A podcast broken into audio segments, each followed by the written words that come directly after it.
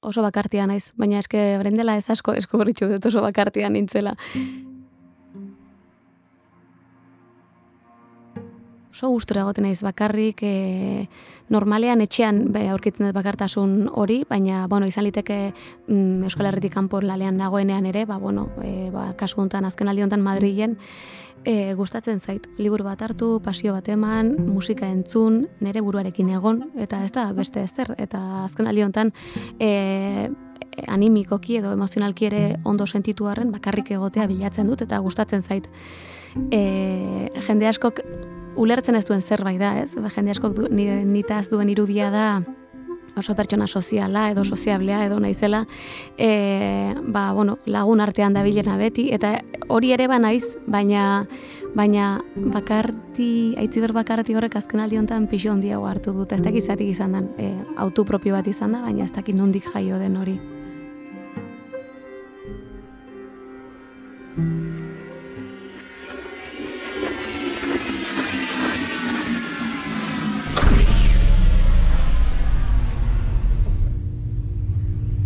bakardadeak izaera triste alako batu, eta beldurra zentiarazten digu hurbil sentitzen dugunean, baina baita lotxa ere.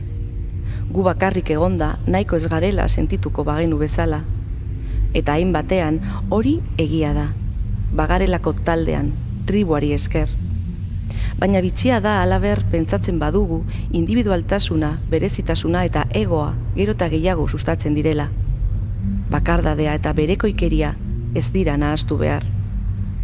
Elbira sastre kadibidez, jomugatzat aurkezten digu honako gogo eta hau proposatuz. Zein da bakardadearen eta destinoaren arteko aldea? Egia da bakardadearen kontzeptuak arrakala asko dituela, baina nik nahiago dut Katerina Albert idazle katalanaren hitzei eutxi. Berez, ura Victor Katala izengoiti maskulinoagatik ezagunagoa izan zen, eta Soledad izeneko liburuan adierazi zuen bakardadea autoesagutzarako aukera ere izen zitekeela. Kanpo aldaketa horiek, barruan, sentimenduen osotasun goraipatuarekin eta aina zalekoa zen zirrararekin bat zetozen. Nonbera harritu egiten baitzen oiz kanpokoak zirelako. Sentiarazten baitzioten bere izatea biderkatuko balitz bezala eta bizitzako une bakoitzerako emakume berri bat ernatuko balitzaio bezala.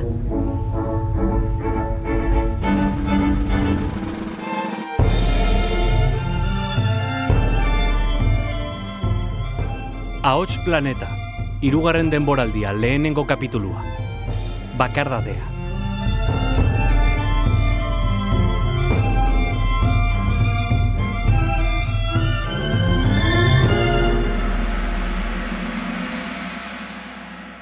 Kaixo guztioi, ongi etorri Ahots Planeta podcastaren irugarren denboraldira, aurrekoan bezala idoia eta leire gatoz, oraingoan formatu berri batekin, hitz egingo dugu gai nahiko orokor baten inguruan, eta mm, baita gonbidatu bat e, gure gana ekarri ere, eta, bueno, beti ere loturak osatuko ditugu, ba, literaturarekin, eta beste e, sorkuntza lan batzuekin, eta horretarako gaur daukagu gurekin aitziber garmendia, kaixo. Kaixo, kaixo, zer moz neskak? Kaixo, ba oso pozik zu hemen izatea datik. Ondo, gabaita nire. Ja, ja, usaino hartu diotoni asiratik. bai, e, aipatu diguzu, gaia mm, hortxe, hortxe datorkizula. Eta, bueno, ba, sarreran e, nolabait mm, iragarri dugun bezala bakardadea da gaurko gaia. Eta horretarako, bueno, e, az gaitezen oinarritik, zer, zer da bakardadea, edo nola ulerliteke, hainbat zentzu dauzka, e, zuek nola ikusten duzu hori. Jo, ez dakit nahi bakardadea esaten dira zuenean, burura etortze ezkit bi, bi adibide ez, edo bi bide bakardadea hautatua edo hautatu ez dena hautatua asko maite dut eta hautatua ez dena, ba, segunda ze momentutan, ba, igual ez dakigu, ez da torkigu oso ondo. E, alde negatibo eta positiboa direla esango nuke, ez, hautatua edo hautatua ez denarena. Eta egia da pixka bate demonizatuta dagola edo bakardade hautatu hori zentzu batean. Ez? Bueno, ez dakit. Ze uste dezuten. Ez dela ulertzen, ezin dugu ulertu zergaitik pertsona batek nahi izango du bakarrik egon, eh? Zergaitik bilatzen dugu bakardadea edo zer, zer aurkitu nahi dugu bakardade horretan. Bai, Bai, ho- hori da igual zaila Mhm. egiten dena ulertzea, ez? Bai. Norbera bere gurarekin egoteko nahi hori, ba, ez Mhm. dala ulertzen askotan. Zatik egon nahi dezu bakarrik, bueno, ba, gustatzen zaidalako, eta tarteka gustora egoten naizelako. Baina ondo zaude? Ja, bai, ondo bai. nago. ez dakit, askotan galdetzen den zerbait izaten da, Bai. ez? Ondo zaude? Ja, lotzen da, hori, gaixorik edo depre edo Bai. txarto sentitzen zarelako. Bai, hori da. Eta ordan, zuk ze bilatzen duzu bakardadean, eh, bakardadearen bila zaudenean, ze, ze Nik bilatzen dut e, niretzat denbora. Niretzat Mhm. eta ez beste inorrentzat. Eta e, hau azkenaldian ikasten ari naizen zerbait da, eh? Konturatu naiz azkenaldian nahiko bakartia naizela, kostatzen zaidalako jendearekin nahonean niregan erreparatzea. Beti nago, ba, bueno, e, hau ondo egon dadila, e, f- aizpa ondo egon dute da, hilobak zerbait falta ote du, ama zemuz buruko minak, osea, e, kostatzen zait neregan egotea, e, jendeakin inguratuta nagoen hoietan. Orduan bakarrik egoteak ematen dit bi- e, bidea edo erraztasuna e, nere buruari kasu gehiago egiteko. Orduan nik hori, hori aurkitzen dut bakardadean e, nire burua mimatzea, entzuten jakitea, Ez datorkigu beti oso ondo, ze segon eta zer duen esateko zure Bai. buruak, ba, batzuta ez diozu entzun nahi. Baina, baina egin behar dan zerbait da, eta azken honetan gusto handi xamar hartu diot bakardadeari. bai, Bai. zaintzarekin, ez, dago ere lotuta, osea, Bai. gure buruak zaindu Bai. behar ditu. Beti gaude besteak zaintzen, eta eta bakarrik gelditzen gehenan gure burua zaintzeko momentua bada. Mhm. Bai, eta zuzen ere eh, esango nuke gainera, bakardadea pairatzeko gaitasun hori agian e, datorrela askotan beste zentzu batzuetan e, zaindua sentitzearekin, ez? Agian mm, ezin dugunean jasan bakarrik egotea da, e, edo nire sentsazioa da behintzat, ba, dela askotan e, beste zentzu batzuetan edo be, jendearekin gaudenean ere nolabait bakarrik sentitzen garelako. Bai, bai, hori bai dela bakardade e, zaila, eh? Jende zinguratuta egon eta bakarrik sentitzea. Ba, igual esango nuke hori dela bakardade guztietan okerrena. bai, Jendeakin zaudenan eta bakarrik sentitzen zeanean. sentitzea, bai. Eta zoritxarrez askotan gertatzen da. Bueno, nire, ez dakizuei, baina niri desentetan gertatu izan zaita. Igual lanbide honek ere e, baldintzatzen du hori, ez? Be, oso lanbide soziala da, beti zaude jendea zinguratuta, eta askotan inork ez dakize bakarrik sentitzen zaren. Ez dalako ikusten eta zuk ze horrek ere ez duzulako erakusten.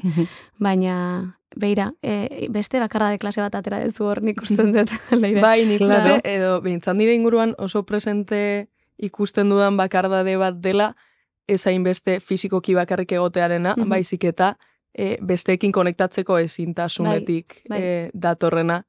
Eta e, gainera horrek eskatzen du ba, beste erabateko ariketa bat, ez kontzientzia hartze bat nondik harremantzen zaren jendearekin zergatik ez duzun konektatzen zure kontua da besteena, Bai, eta tira, ba, iruditzen zait, mm, gainera agian gaur egungo harremantzeko eraberri hauek ari direla eragiten zentzu horretan gatazkak. Dudari gabe. Bai, bai, bai. Osa, askotan gertatu izan zaite bakarrik sentitu jende zinguratuta eta esan, ze gertatze zaite eta eta inbardezu esfuerzo sobrehumano bat kasi-kasi bestekin konektatzeko eta askotan ezinezkoa da. Nik uste, bueno, hortan ere ikasten ari gala pixka bat, ez? Esaten, bueno, jazta, ez dut konektatzen momentu honetan Bai. eta eta Bai. bakarrik egongo naiz, eta- bai. Aparte. Horrekin lotuta, burura etorri zait, bueno, e, Ana Malagonen, bueno, e, lasai eza ezer gertatzen liburutik e, atera dudan pasarte bat, bada errelato laburren liburua, eta ez dakit e, irakurriko. Bai, irakurri noski. Bai. Deitzen da, atzera eman. Eske justo. Beira. Ez dakit noiz hasi nintzen nire logelaren atea izten. Diskak jartzen hasieran, kaseteak ondoren eta sedeak beranduago. Ez dut gogoratzen noiz ekin nion entzuten nituen abestien pasartean konpultsiboki atzera emateari. Zati txikiekin, gero eta txikiagoekin, obsesionatzeari, biak korde atzera berriz, errepika atzera berriz, kanta oso bat entzuteko gai izateari utzi nion. Logelako lau paretetatik kanpo ere, arazoak ekarri zizkidan, hitz egiten zidanari esaldi laburrak errepikatzeko eskatzen hasi nintzaion. Gero eta laburragoak, volumenaren erruz, gorra otenengoen pentsatzen hasi ziren gurasoak, lagunak, denak, nirekin naskatu ziren. Ez, ez daki ze gertatu zen, baina gertatu zen. Tramankulu guztiak ondatu nituen horrela, disko jogailua, radiokaseta, sede irakurgailua, harremanak, burua, bizitza. Ze ederra. Bai, Ana Malagonen lasai, ez da zer gertatzen.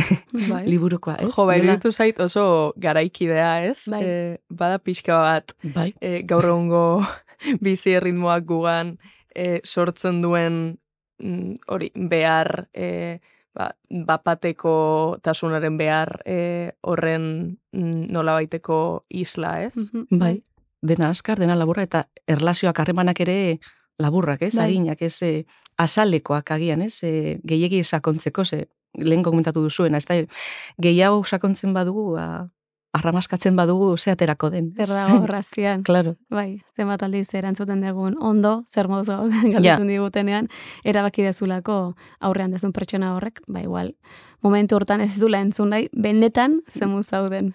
Bai, Bai, egia. Bai, eta zuen inguruan, esango zenukete jendeak badakiela bakarrik egoten. benetik egongo da horrez, Ja. ez dakit. Ez dakit. Bai, jo, nire bai. inguran, nik badut adibidez eh, adineko pertsona nahiko otso, eta denetarik dago, igual, adinduen artean ikusten dut, ba, bakardadea oso, ba, hor dau- dutela, ez, ba, jendea euren inguruan ba hildelako edo e, seme alaba kanpoan daudelako. Orduan jo bakardadea txarto txarto bizi dute. Ez dakite Bai.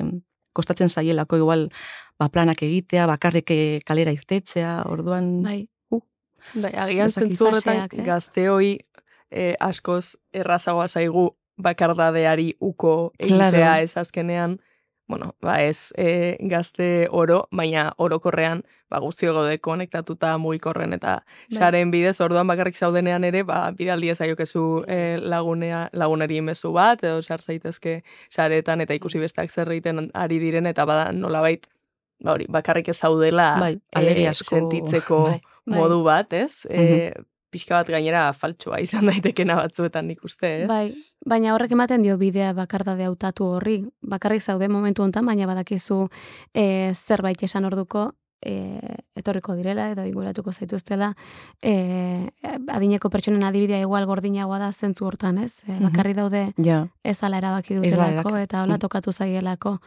Baina bai, egia da mm, txanpon beraren bi aurpegi diala oso ezberdinak eta aldi berean e, jo, e, askotan konturatzen zela zer falta dezun ja ez daukazunean. Esan nahi dut, nere ama e, duela ez asko arte bakarrik bizi zen Mhm. eta kejatzen zen hortaz, ez? Bakarri nago, mm, orain arte ez dut inorrekin hitz egin egun osoan, ez dakiz zer, e, ondela urte gutxi, nire e, aizpa separatu zen, eta e, semea eta biak juntziran e, nire amaren etxera bizitzera. Eta gaur da eguna, larun bat arratsalde bat edo igande bat edo nire amak libre bali madauka aizpa umearekin egun pasa jundelako izugarri gozatzen duena bere etxean, bera bakarrik. Esaten diot, ama, orain bai da? Orain bai, eta bai, orain bai, orain gustu hartzen dut.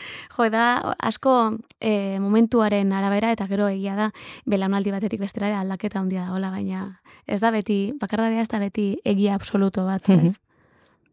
Bai, eta zuzen ere agian askotan orekan dago gakoa, ez? Bai. Eh, esango zenukete bakartiak zaretela, edo ze harreman duzue bakardadearekin, mm. -hmm. e, aitzi berra aipatu duzu Bai, mm, hori bilatzen duzula gaur Bai. gaurkoz. oso bakartia naiz, baina eske brendela ez asko deskubritu dut oso bakartia nintzela. Bai, e, oso gustura egoten naiz bakarrik, e, normalean etxean be, aurkitzen dut bakartasun hori, baina, bueno, izan liteke mm, Euskal Herritik kanpo lalean nagoenean ere, ba, bueno, e, ba, kasu honetan, azken aldi honetan Madrilen, e, gustatzen zait. Liburu bat hartu, pasio bat eman, musika entzun, nere buruarekin egon, eta ez da beste ezer, eta azken aldi honetan, e, animikoki edo emozionalki ere ondo sentitu arren bakarrik egotea bilatzen dut eta gustatzen zait.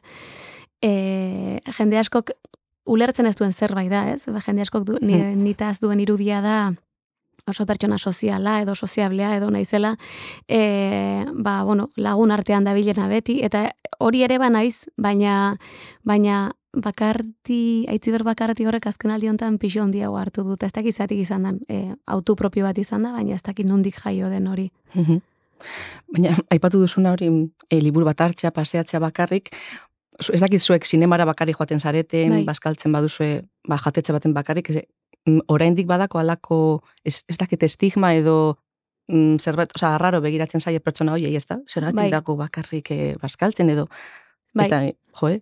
Sinemara joan Lekuaren nintzenean arabera lehenengo baita aldian, igual, izan ez? zen, zein? Lekuaren arabera igual baita. Bai. E, e, igual herri txikietan bai gehiago begiratzen zaituzte, edo donostin ere gertatu izan zait, baina hiria hundietan igual baita ere e, bakartasunerako ohitura handiagoa dago edo ez da inbeste begiratzen, eta Madridin adibidez ni askotan ba, bakarrik eh, bazkaltzera da faltzera, zinemara eta antzerkira noski. Eta esara bakarra. Ke ba.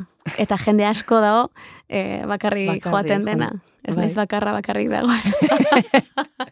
Ja, eta hain zuzen ere, ba, sinema bai lotu izan da sozializazioarekin, ez? Baina nik eh, esango nuke sorkuntza jasotzeko, eh, segun eta ze disiplina eta bar, ez? Baina, ba, askotan nik neuk behintzat behar dut eh, bakarrik egotea, edo behintzat, ba, mm, inork eh, mm, ez hartzea eskua eh, ba, bueno, sorkuntza lan horrenetan nire artean, esaterako Bai. irakurtzerakoan, ba, egon daiteke norbait inguruan, baina ez dieza dela hitz egin, eta are, e, nik sortzeko orduan baita ere, bai, behar izaten dut pixka bat mm, priba, mm, pribazitate bai, edo, hori da, eh? bai, hori bermatuta edukitzea. Bai, dudari gabe.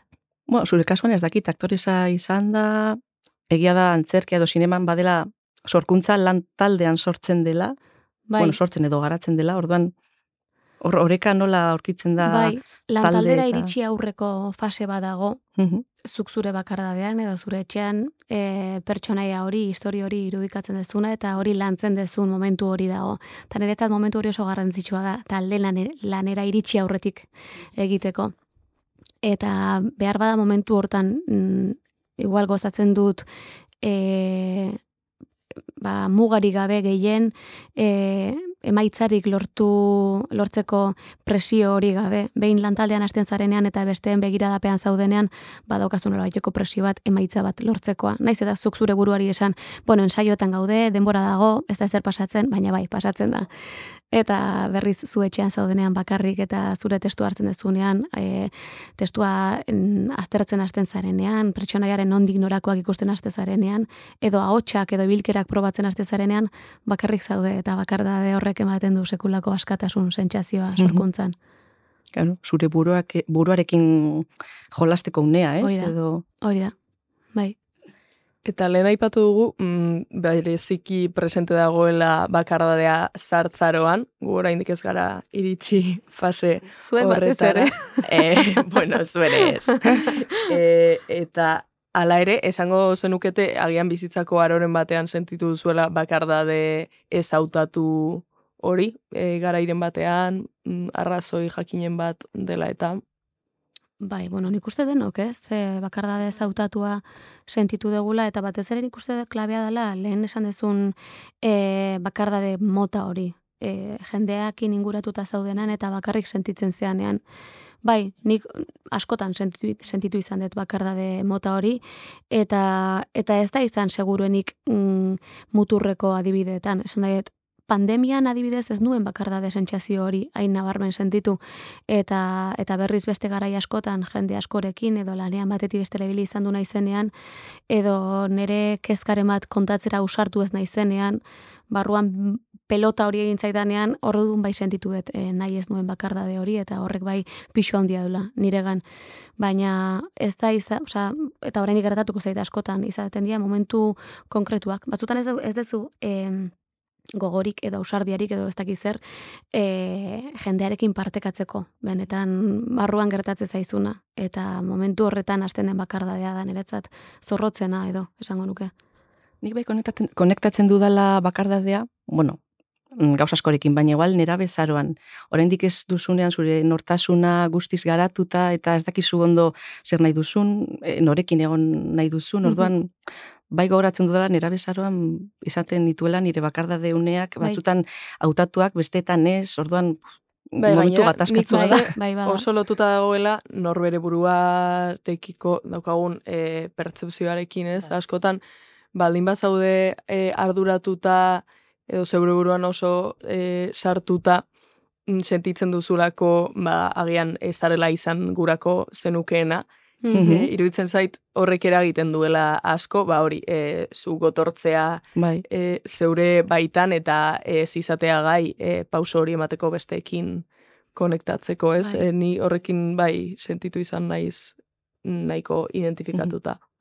bai, bai. Eta egon daiteke lotura mm, nolabait eh, bakardadea eta emakumea izatearekin. Osea, emakumeek badugu joera handiagoa handiagoren bat bakardadea pairatzeko edo bakardadea bilatzeko, osea, bi Ez dakit, Kost, nea, e, kosta egiten zaite bizaku bakarrik sortzea, ez? Mm Gizonezkoak eta emakumezkoak eta iruditzen zaite badaudela matiz pila bat, baina egia da e, emakumezkoak orokorrean edo e, alderdi emozional hori ba igual ageriagoan mm -hmm. uzten diagula bai. askotan eta horrek igual e, askotan zaurgarriago egiten gaituela edo edo ala azaltzen garela besteen aurrean. Bakardaderako tendentzia handiagoa den ez dakit, baina agian, bueno, gehiago hitz egiten dugu horren inguruan, edo, e, orain dela ez asko lagun batekin honintzen mutila, eta e, esan zidan duela bi urte oso bakarrik sentitu zela, e, ba, bueno, e, sorkuntza prozesu batean ikeragarri mm, ataskatuta edo sentitu zelako, eta etzelako gai lotxagatik besteekin hori partekatzeko, bai. Eta eta esaten zidan nolabait bere mutilizaera hortatik ere e, auskortasun hori erakustea izugarri kostatzen zitzaiola. Orduan e, ikustetu egeragina hortan izan dezakeela, ez? Bai. Bakoitza gure ahuldadeak erakustearekin e, ba, bueno, e, gizonezkoak mm, oraindik ez daudelako askotan ainoituta edo mm. ez dutelako horretarako biderik topatzen, baina bestela ez dakit besteko aldea izango den, ez dakit lotura zuzenik baduen. baduen. Ja, agian era ez berdinetan agertuko da ez, niri burura etorri zaidan lehenengo gauza nola oroar emakumeok garen zaintza lan horiek e, geure gain hartzen ditugunak eta ondorioz askotan ba, guk geuk e, azten ditugu gure hmm. beharrak, eta e, gure inguruak ere ba, nolabait e, alde batera uzten duen edo ez duen ikusten guk e, ba, behar dugula baita ere zaintza hori ez eta hori esango nuke ba, bueno, e, ikusten dugula baita ere ba, nagusien e, kasuan. Eta bar, eta e, baita ere etorri zait burura badagoela literaturarekin pixka bat lotzeko, ba, alako, e, ia, bueno, liburu azpi genero bat nik oso gustuko duena pertsonalki eta gaur egun agian e, ba, pilpilian e, dagoela esan litekeena ba, e, interneteko zenbait sektoretan eta abar badago gudritzeko gudritz e, sare soziala ez dakit ezagutzuko eh, duzuen. Hori da, ba bueno, e, Facebook moduan baina apuntatzen duzu ba zeliburu irakurri duzu ah, eta ematen ah, diozu puntuazio bat eta abar eta egin daitezke bertan e, zerrendak ba Spotifyko playlistak moduan bai. baina liburuekin eta badago hor zerrenda bat deitzen da deitzen dena Women Against the Void hau da emakumeak mm, ba hori e, uts, utsaren aurrean edo eta da pixkat ba hori oso bakarrik dauden emakumeak, euren mm baitan sartuta daudenak, eta tartean e, ba, dago esaterako Silvia Plazen beirazko kanpaia, ezakit mm irakurri duzuen, edo Oteza Mosfegen e, My Year of Rest and Relaxation, eta bueno, ba hori, mm -hmm. esango nuke badela ba, bai. literaturan agertzen ari den figura bat, Eta, bueno, honekin lotuta eta amaitzen joan behar dugunez, e, aitzi berzu badukazu mm, irakurgai bat e, honekin lotuta gomendatzeko, ez? Bai, gainera, ez dakit errema zuzena duen, baina bakardadearen gaia planteatu zen idatenean lehenengo e, izen hori etorri zitzaidan burura, eta da alaine agirreren bi aldiz erditu zinen eta zama badakit ez dela bakardadearen inguruan e, ari, edo horren inguruan soilik, baina eman zidan alako e, bakardade sentsazio bat e, gaina askotan zen, e, bueno, askotan edo ia beti zen e, alde negatiboenarekin lotutako bakardadea ez, eta iruditzen zait liburu hortan oso gordin azaltzen duela bakardade hori oso gordin azaltzen dituela sentimentu asko, e, amatasunerekin eta zaintzarekin lotuak ia denak edo gehienak. Eta eta egia da garai horretan ere e, lagun pare baten ahotik ba, bueno, ama izatearen eta ez izatearen zalantza hori planteatzean e, bitan edo irutan entzunuela jo ja baina eskenik ez dut bakarri gelditu nahi.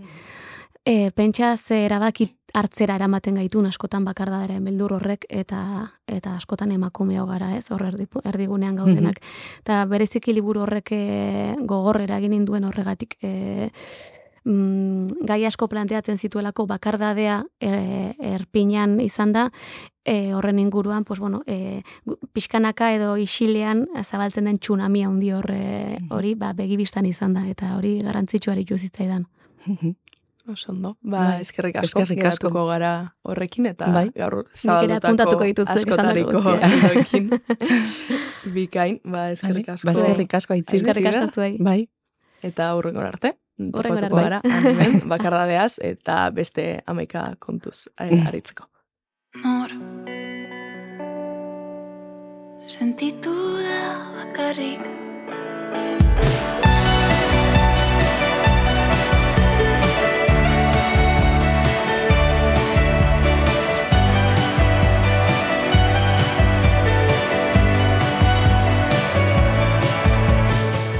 Oraindik maite dut bakarrik egotea, eta luzegi zematea ohitura txarra hauei oinak jartzeko tokian burua etzan, pantaiaren txoko berberak sakatu etengabe, platerak zorroztu, galdu neure baitan, egin oin nuen eran, azalaz eta tintaz gain ezer gutxi neukanean. Orain hiru etxe ditut eta aizpa deitzeko eskatuko didan aurpegi bat. Beso aski gorputzonen pixua noiz edo noiz aska dezadan.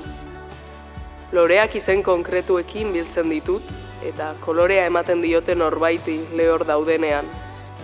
Ez zaizkit barruan pilatzen, sabelean deskomposatu zitzaizkidan eskutitzen edan. Baina lurrina horri artean geratzen zait.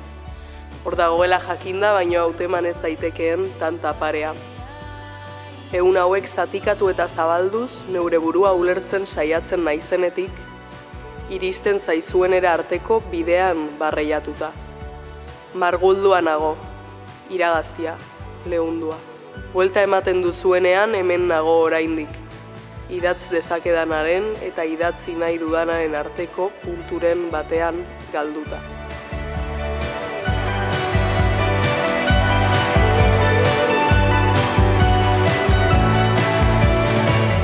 Ahots Planeta Bizkaiko Foru Aldundiak diruz lagundutako eta Euskal Idazlen Elkarteak eta Azkue Fundazioak sustaturiko podcasta da jada entzungai zure audio plataforma gogokoenetan.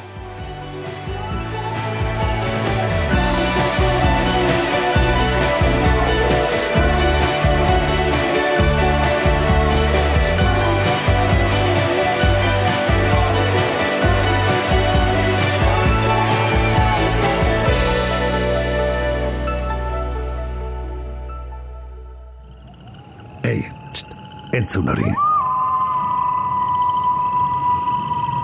Ulu Media.